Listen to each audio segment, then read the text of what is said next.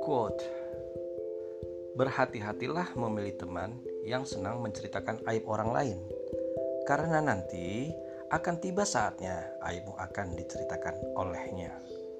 Irdon Abdurrahman Sahli Rahab bulan Mei 2020 Apa makna quote tersebut?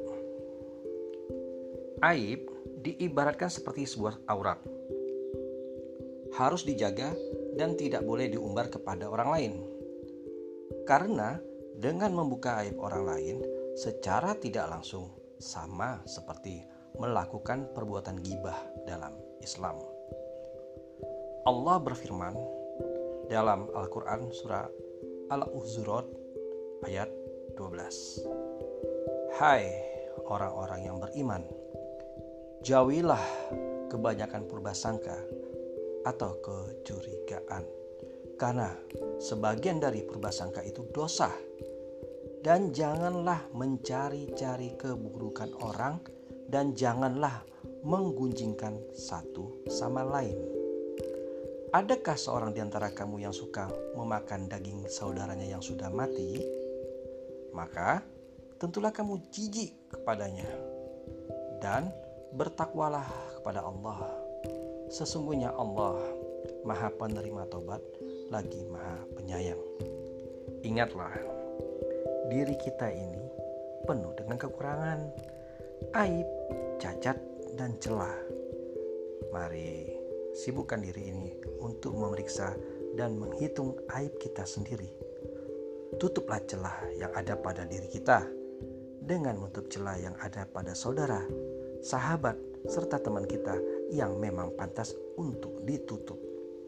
Sebagaimana Rasulullah Shallallahu Alaihi Wasallam bersabda, yang diriwayatkan oleh Muslim, tidaklah Allah menutup aib seorang hamba di dunia, melainkan nanti di akhirat atau di hari kiamat Allah juga akan menutup aibnya.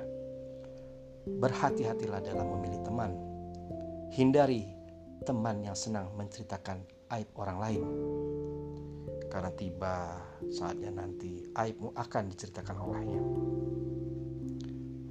Allah berfirman dalam Al-Quran surah Al-Hujurat ayat 6. Hai orang-orang yang beriman, jika datang kepadamu orang fasik membawa suatu berita, maka periksalah dengan teliti agar kamu tidak menimpakan suatu musibah kepada suatu kaum tanpa mengetahui keadaannya yang menyebabkan kamu menyesal atas perbuatanmu itu.